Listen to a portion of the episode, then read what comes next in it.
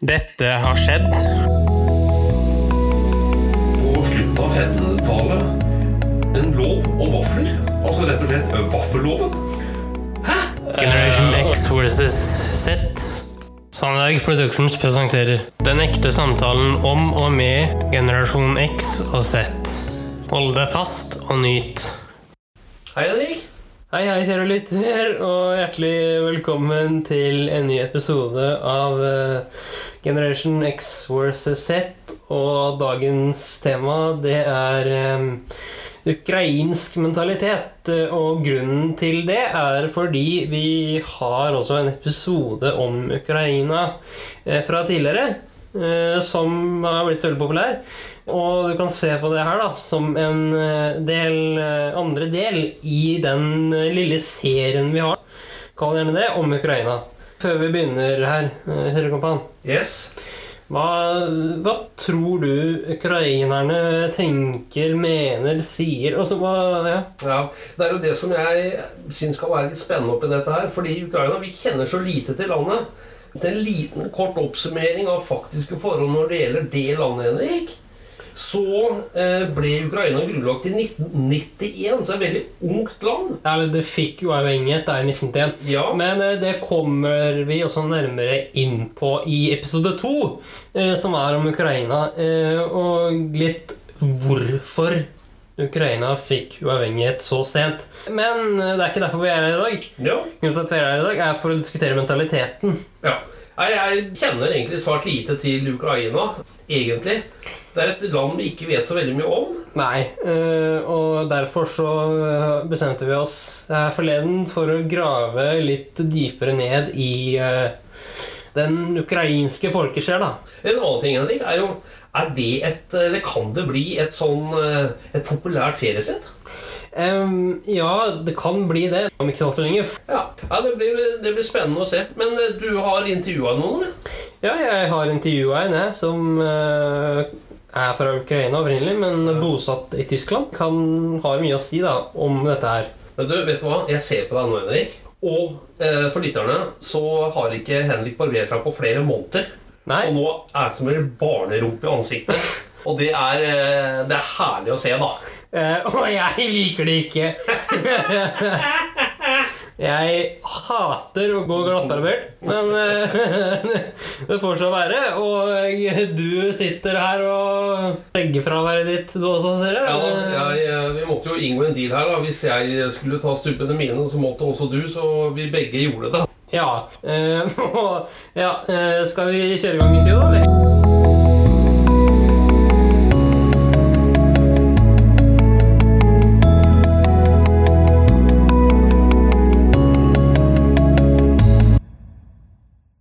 In short, who are you? My name is Natalie. I'm the teacher of foreign languages and the coordinator of school program in Germany. And you, Henry? well, I am a factory worker based in Norway. I mm-hmm. also teach language. We're interested in that, but that's not why we're here. We are here for a different purpose, and that is to discuss the Ukrainian mentality. And I have some questions for you, if you don't mind answering. Mm-hmm. How is Ukraine's relationship to its neighboring countries? Ukraine have many neighbors. Yes, its borders. It has sea borders. It has borders with many other countries in the west, in the east, in the north, and in the south with Turkey. And what's more important that Ukraine is just located at the border with the European Union because Poland is in the European Union and Poland is neighbor of Ukraine. So we are quite on the border with Ukraine and Ukraine making its further steps in order to enter European Union. Yeah, so we have uh, now visa-free regime. And this is already simplified and one can stay without visa in the European Union for 90 days. So just some documents are required and being checked at the border. Otherwise, this previously one had to go to the consular department of the embassy and apply for a visa. Now it's carefree. So one needs just to prepare his trip and no worries and no preparation and no date consular section at the embassy of uh, any European country, depending where Ukrainian wants to travel. So the relationship between Ukraine and its neighbors is rather good, mm. you say? Yeah, of course, I will say it's good. Ukraine is a friendly nation and Ukrainians are very hospitable. Whenever you come to Ukraine, even as a foreigner and even as a first time with a Ukrainian family, they will lay down a big table for you with the different Ukrainian dishes. They will welcome you and talk to you and make you eat as much as possible. They even kind of will force you to eat because this is the, the happiness they get from the pleasure when the guest eats what Ukrainian housewife prepared for him. So they will entertain the guest, they will treat him with Ukrainian specialities, and that's why I will define Ukrainian nation as friendly and hospitable. So it remains friendly and hospitable to the neighboring countries as well. Then we have the next question, which reflects on that same thing, but still different.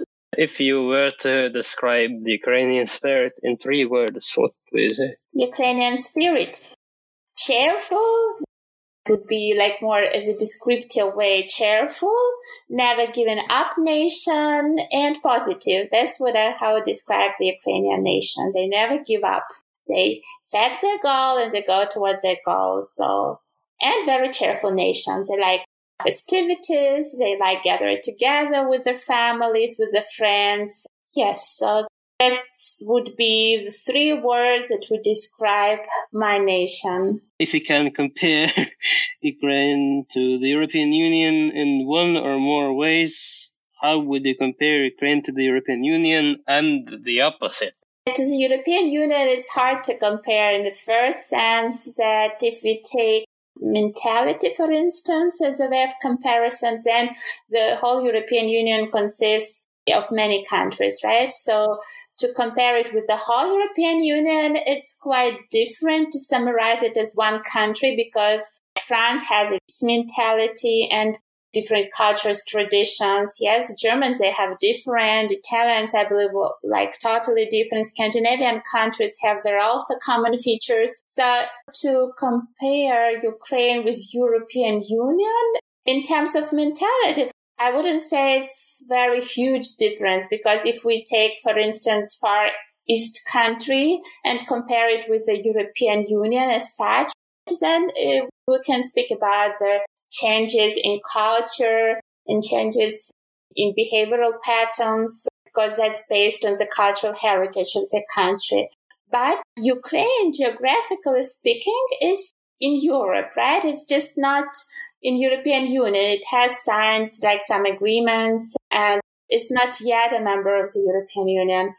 In regard to the mentality and the way people like to spend their times, I would say that, for instance, in Ukraine, people prefer to spend more time with the family and they like to invite guests to their home and always, as I already said, rich tables for them. And the guest of a Ukrainian home brings a pie of cake, a bouquet of flowers for the host, there's a souvenir for the kids. So it's better to bring uh, everything at once because Ukrainian nation is watching this stereotype for the number of flowers in the bouquet when you go and you present a housewife or a woman in the house should be strictly odd. And if one by mistake present an even number of flowers, it's considered only to be presented when there is a sad occasion. In Europe, it's a different story. One can get an even number of flowers a man can present to a woman, and without, of course, any bad intentions, just because he wants to make pleasant gesture to a woman. And even I myself, once I got uh, from European man flowers, an even number of flowers, and of course, I haven't told him that what it means because I saw the person was given the flowers with full of his heart, so I didn't want to offend him. But once these flowers being received in Ukraine, it's um, yeah, it's always for this sad occasion, and it's never being taken for the purpose of, of celebrating any happier occasion. So that's why what I said. What I'll say that maybe there are more stereotypes, superstitions, and I would say that in Ukraine people are more open. They are uh, more open to spend time to invite guests like a, like the first time there's a stranger, so just the foreign or the tourists they just met they are very friendly. And in uh, europe i would say it's a little bit restricted. One has more of private space. In ukraine i would say such a thing as private space not really that much exists. On that note i can just add that Norway has a very similar attitude towards the European Union, but the thing that separates Norway from Ukraine is that Norway declined European Union citizenship in 1994, but according to what you are saying, the Ukraine strives to join the European Union. Yes, it's, a topic that I would say takes a separate discussion, and there are different opinions on that. But we have many agreements signed with the European Union. The trade is going on with the European Union. The visa-free regime is signed. So because we are still in Europe and we are on the border with the European Union, so very actively economical um, economy is developing itself. And so I would say it's just officially not in the European Union, but still it maintains a relationship with all the countries of the European Union. So it's not officially, but probably one day it will happen. It's now, it's uh, especially with the current events when all borders are closed, it's difficult to to to set some prognosis regarding that. We are continuing with the comparing in the next question, again in a very similar manner, but somewhat different. If you can compare the Ukrainian way of being to the European way of being, what would you say? Well being. No, way of being. Way of being. Yes. Like the mentality and uh, yes. I can Mental- actually yeah, mentality, I, attitude, etc.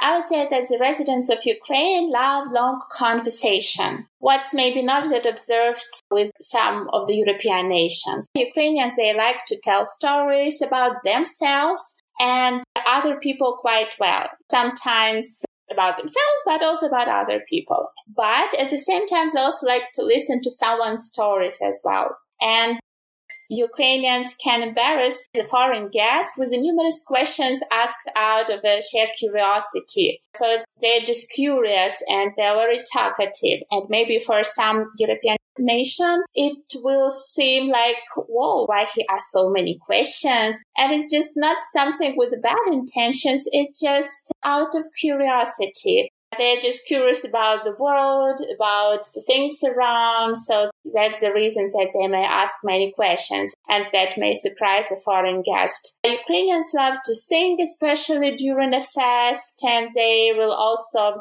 gladly teach um, a foreign guest some Ukrainian songs. I would say that there is no need to present expensive gifts to Ukrainian friends. But what Ukrainian thinks that sometimes it's better to get inexpensive things as a gift, but useful one. Because having received an expensive gift, a Ukrainian will consider himself in debt of the giver or can even suspect that the guest has some mercenary motives and is trying to bribe him. So that's why maybe it's just a hint for the foreign guests. Also, of course, any kind of small uh, appreciative present is considered to be a polite gesture. Ukrainian go to other Ukrainian home. He always brings something along. It's impolite to come to one's house with empty hands. So at least he needs to bring cake uh, or some small gifts for the kids when they're there, but empty hands are never expected even. So it's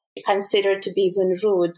Ukrainians are generous and usually in a good mood because they like to sing songs and they would say they're also temperamental and often they could be unpredictable and poorly suppress both good and negative emotion. And more, for example, in different situations, they more rely on feelings rather than on reasons. And that explains the fact that they are temperamental. They rely on their feelings, maybe like Italians do, I believe. About the European countries and European nations, like Scandinavian maybe, and more of the north of Europe, I would say that people more rely on the reason. They may take decision based on the logic and based on the thinking, but not really on their feelings. Yes, that's true for Norway at least, uh, Yeah. and uh, not Spain. Spain is similar to Italy in that sense. Yes, they're more temperamental. They may take decision, they may say something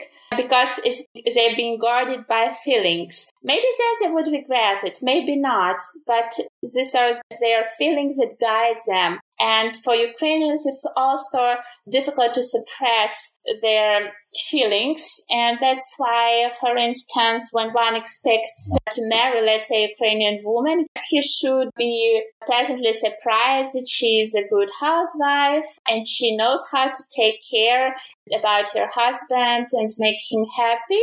But at the same time, Ukrainian women are emotional and they're temperamental and so one should take this into the consideration. So this would be, I would say, very important, what I would say about the Ukrainian nation. Has the country changed from when you were a child and up till now? Yes, of course, the modern technology progressed, the country changed, that people could could free traveling abroad and studying abroad, and has been changing. I think the more we could observe the European goods on the shelves of the shops. So that's why it's one more thing to say that the trade is quite on a high level and there are many imported also goods that from the European Union that could be found on the shelves of the shops. Also, Ukraine has its own very good fertile soils and our vegetables and fruits considered to be very tasty. And once was a situation when I moved, for instance, to Germany, then the taste of some vegetables was a little bit different than in my country. And of course, it's quite logical because it depends on their soil. Our soil is fertile and the taste is different. So since childhood, I got used to one taste of the fruits and vegetables. And here in Europe, the taste was different. And then living in the dormitory, I promised one of my friends that I will bring some vegetables, cucumbers and tomatoes from Ukraine so that he can distinguish and mark the difference, whether he in general is capable to mark the difference, but just to see his reaction, whether for him the taste of those vegetables brought by me from Ukraine would be different.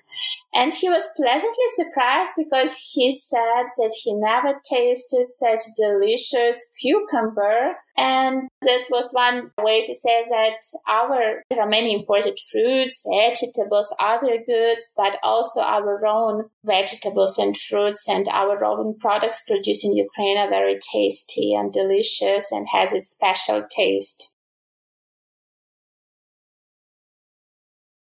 Have there been any noteworthy changes in uh, the Ukrainian mentality as you see it from your childhood and up till now?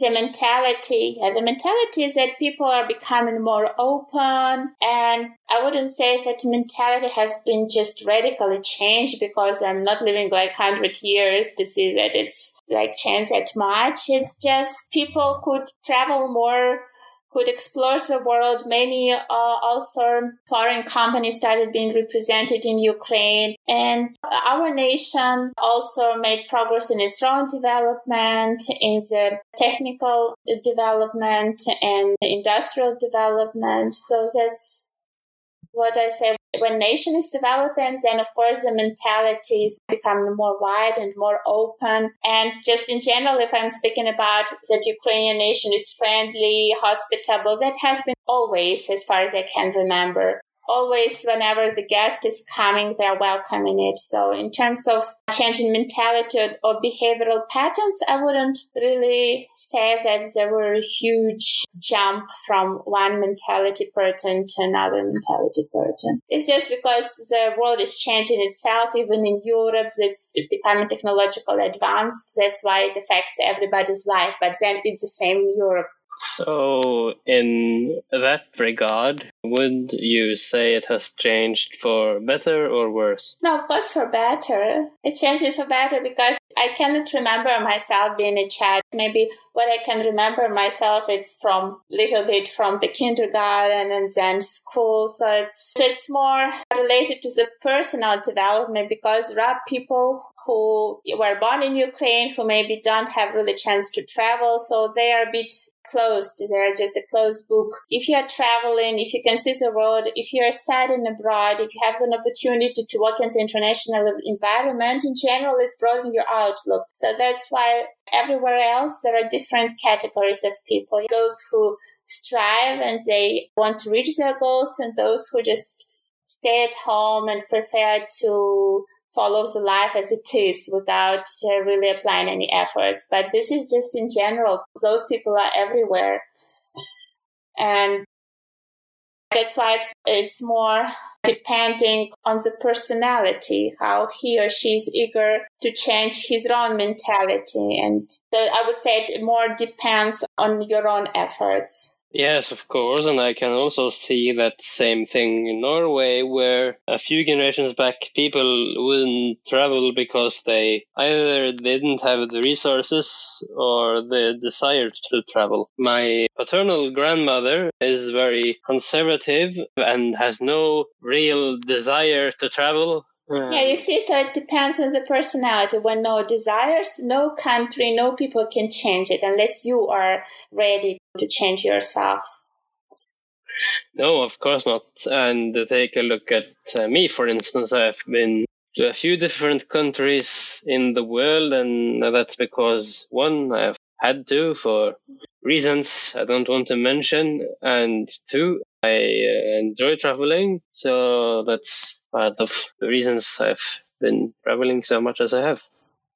Yeah, so you see, the more you travel, the more you you consider to be a book that consists of many pages because you get experience, you meet new people, and then it broadens your outlook. I would also maybe say in terms of yet Ukrainian women, maybe the stereotype has been changed in Ukraine the way that for example, the condition of, yes, if we just talk a little bit about the condition of Ukrainian women in Ukraine. So on one hand, education and work are accessible to all women. They're independent. Many women work in the field of science, politics, and business. But on the other side, maybe still there are jokes about women's logics and emotional instability. That's what I said, that women are temperamental, but at the same time, Ukrainian women have strong character whose uh, roots can be traced to the distant past when Cossacks survived back to the 15th century when the Cossacks wives remained in charge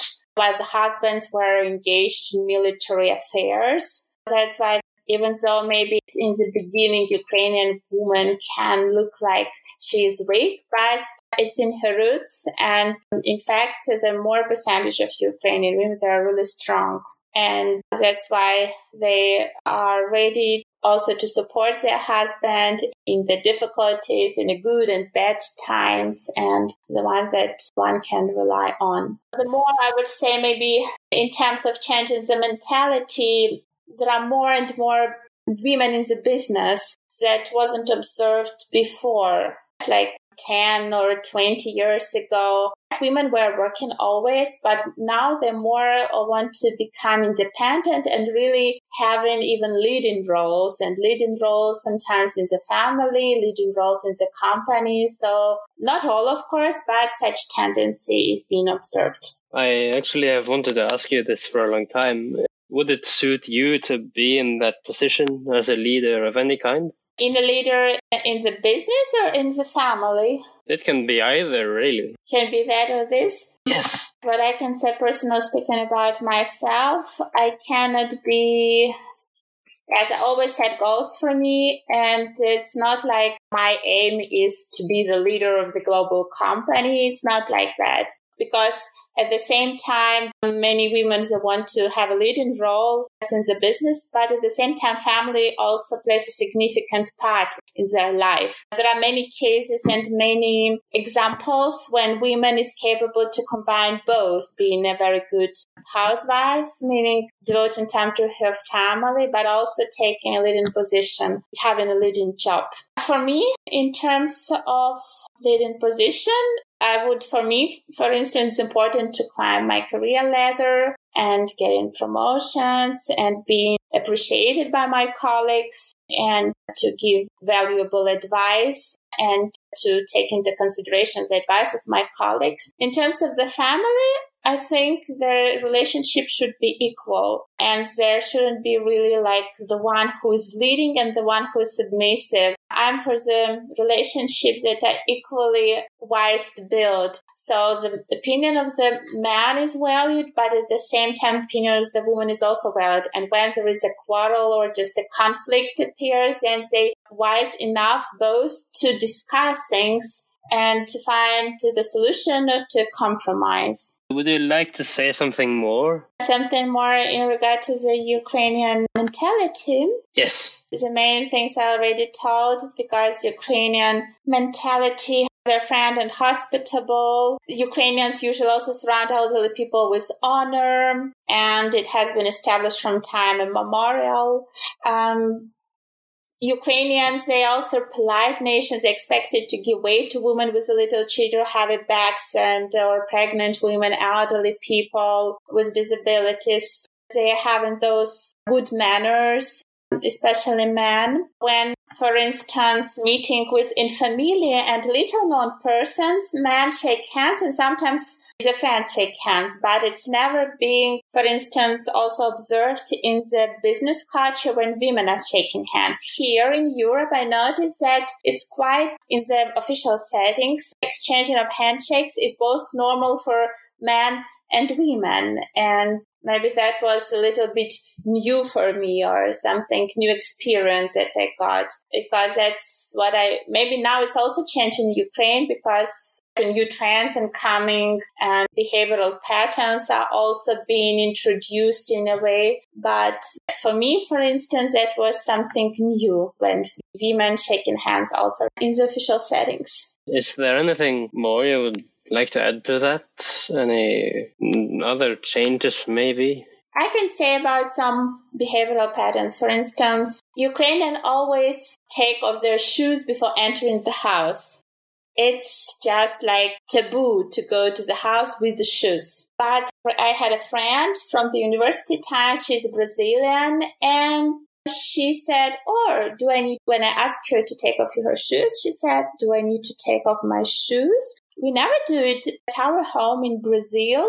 So for her, it was quite normal to be in her shoes when she's visiting friend's house. For us, we always maintain this rule and we keep to this rule that everyone who's coming to the house needs to remove his shoes. And at every house, there are also sleepers, spare sleepers for guests. So they will be offered to the guest.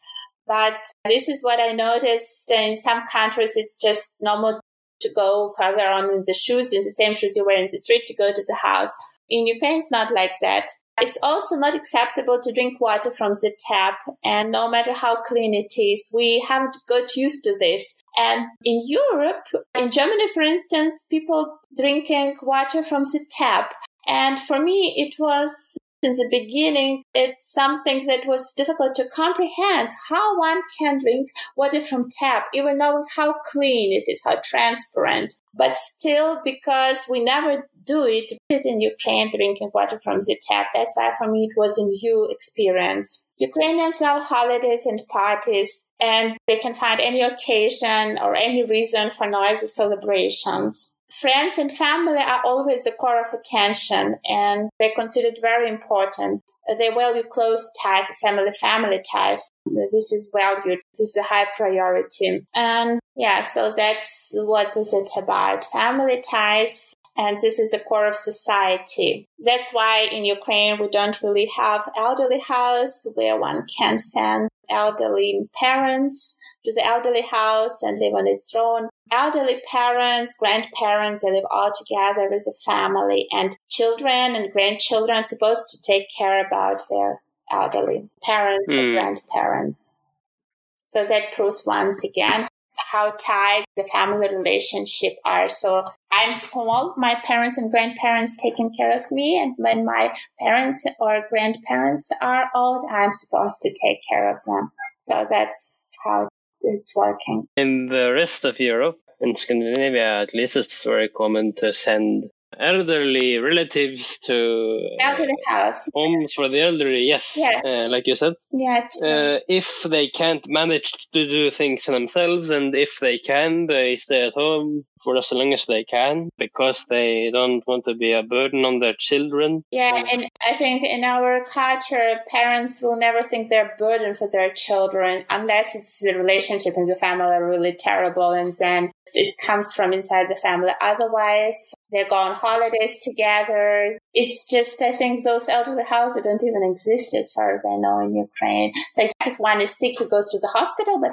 then he comes back. But not that one is staying, yeah, because no such thing as elderly house exists. On that note, I would close by so going back to the tap water thing earlier, most people drink tap water in Norway, if right. not all of Europe. But me personally, I don't drink tap water because it doesn't really taste that good to me. So yeah, I drink bottled water instead. So that's uh, my dad really hates me for it. But yeah, so it's, thing, it can be individual, but in general, it's even in this gym. I, when I'm going to the gym, there is a tap special, and everyone is drinking. Everybody is taken into the bottle, but it's just a common thing. People can just simply in the house when they want to drink, they take a glass, they open the tap they let the glass fill with the water and then they drink it. For us, we never do it. Yeah, so maybe it depends on the quality of the water, but still just the fact that we never did it in Ukraine. And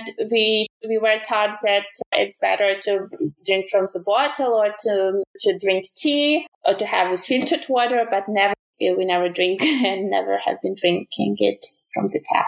Like you say, you don't really know the quality of the water and you don't really know if the sink is clean or not. Yeah, so, so maybe this is a kind reason. Of why I don't drink water from the tap. Yeah, you never know what. Uh, this is for those people who are a little bit picky about what they drink or when you are raised up with ideas that you never see anyone drinking from the tap and when you go abroad and you see people drinking from the tap it surprises you of course in the beginning it takes time to get used to it but living in Germany for five years now, I have never been drinking from the tap still. So, no. well, it takes time to get used to the bacteria such. yeah, so. just for me, it's still a little bit different, and that's why I never really tried it. I know that they consume a lot more bottled water than tap water in the United States, but I don't know why. Uh, what's in the United States? They uh, drink more bottled water mm-hmm. as opposed to tap water. Maybe they also think that tap water is not that clean because it goes through the tubes. No one knows what how dirty those tubes are. Unless there is also a filter. Sometimes in Ukraine they fix the filter in the kitchen and then they're drinking from the tap. But the filter is supposed to be fixed under the tap. So on somehow they do it on the tube so that the water that is coming from the tap is already filtered because the filter filtered it on the way. So that's the modern trend. Shall we close the mentality booklet? yes, we can continue next time with the continuation Ukrainian part three. Yes, we have Easter on the agenda for mm-hmm. that. Exactly. Yes, and yes, we can end here. Okay, so it was my pleasure to be interviewed and to tell more about my country, to share more ideas about being like a native Ukrainian, and yeah, looking forward for the next part. Thank you for attending. Yeah, thank you, and bye. Bye. Ja, eh, det var også viten om ukrainsk mentalitet. Eh, hva syns du om det, Erkan? Jeg syns sånt noe alltid er eh, artig, interessant og jeg stiller spørsmålet sånn Ja, men hvorfor det, og hvorfor det? Hva kommer det av? Hva er historikken bak? Og vi fikk jo høre god del om det. Spørsmålet, Henrik. Skal vi ta en tur til eh, Ukraina på sommerferie? Eh, ja, vi kan jo vurdere det eh, hvis de faktiske forholdene tilsier at vi kan gjøre det. Ja. Så ja. Hva tenker du? Nei, jeg er game. Men eh, neste gang så skal vi også da ha del tre i denne serien om Ukraina og dette her. Eh, og da blir fokuset påske. Ja, Det er jo da den or- ortodokse, altså russisk-ortodoks feiring av påsken. Ja, eller ukrainsk påske, da, spesifikt. Ja. Eh, og det var også denne gjesten da, som kom med ideen om eh, Ukraina fordi hun har sett at den episoden vi hadde om Ukraina, altså Ukraina del 1, ligger på topp 10 blant statistikkene. Og derfor så kom den ideen til lys, da. Men eh, Ja. nok om det. vi må ikke glemme at vi må jo ta en lite sånn dypdykk også ned i vår egen feiring av påsken. Ja, selvfølgelig. Vi kan også da sammenligne med vår egen eh, katolske påske. Absolutt. På det da, så vil jeg også informere om en spalte jeg skal ha eh, fra min neste episode, som jeg har valgt å kalle NRK-hjørnet. Eh, Der jeg skal eh, ikke bare provosere, men også ja, bringe litt positive nyheter til lys, da, som NRK har rapportert, eller som er typisk NRK, eller som ja, NRK-profiler, f.eks. Lykke til, Henrik. Takk. Eh, skulle ikke du ha noe greier også? Jo da. Jeg skal også ha en spalte framover. Kommer litt an på eh, når den kommer, men, men den kommer. Og det skal omhandle Ja, hva skal den omhandle, Henrik? Det vet jo ikke jeg. Det vet jo du. Spalten skal inneholde hva om vi reflekterer litt dypere ned i enkelte spørsmål, og kanskje provosere litt, litt grann, da. Må kunne gå an. Ja, eh, og som jeg sa med min, da, så skal jeg provosere, men jeg skal også sette ting i et veldig positivt lys. Eh, Det virker jo som du skal gjøre det samme, kjære kompan. Jeg skal prøve. Men eh, den spalten min skal hete NRK-hjørnet. Og bidrag til den eh, kan du sende til meg privat på Facebook, eller eh, sende melding til Generation X Horses på Facebook, eller e-post til Generation X Horses at sandagproductions.com. Oh yeah. Bare så du vet det. Og jeg kommer til å linke til min private Facebook-konto i shownotes. Bare så du er klar over det, du som hører på. Ja. Skal vi si so long, my dear son? Vi sier so long, vet du.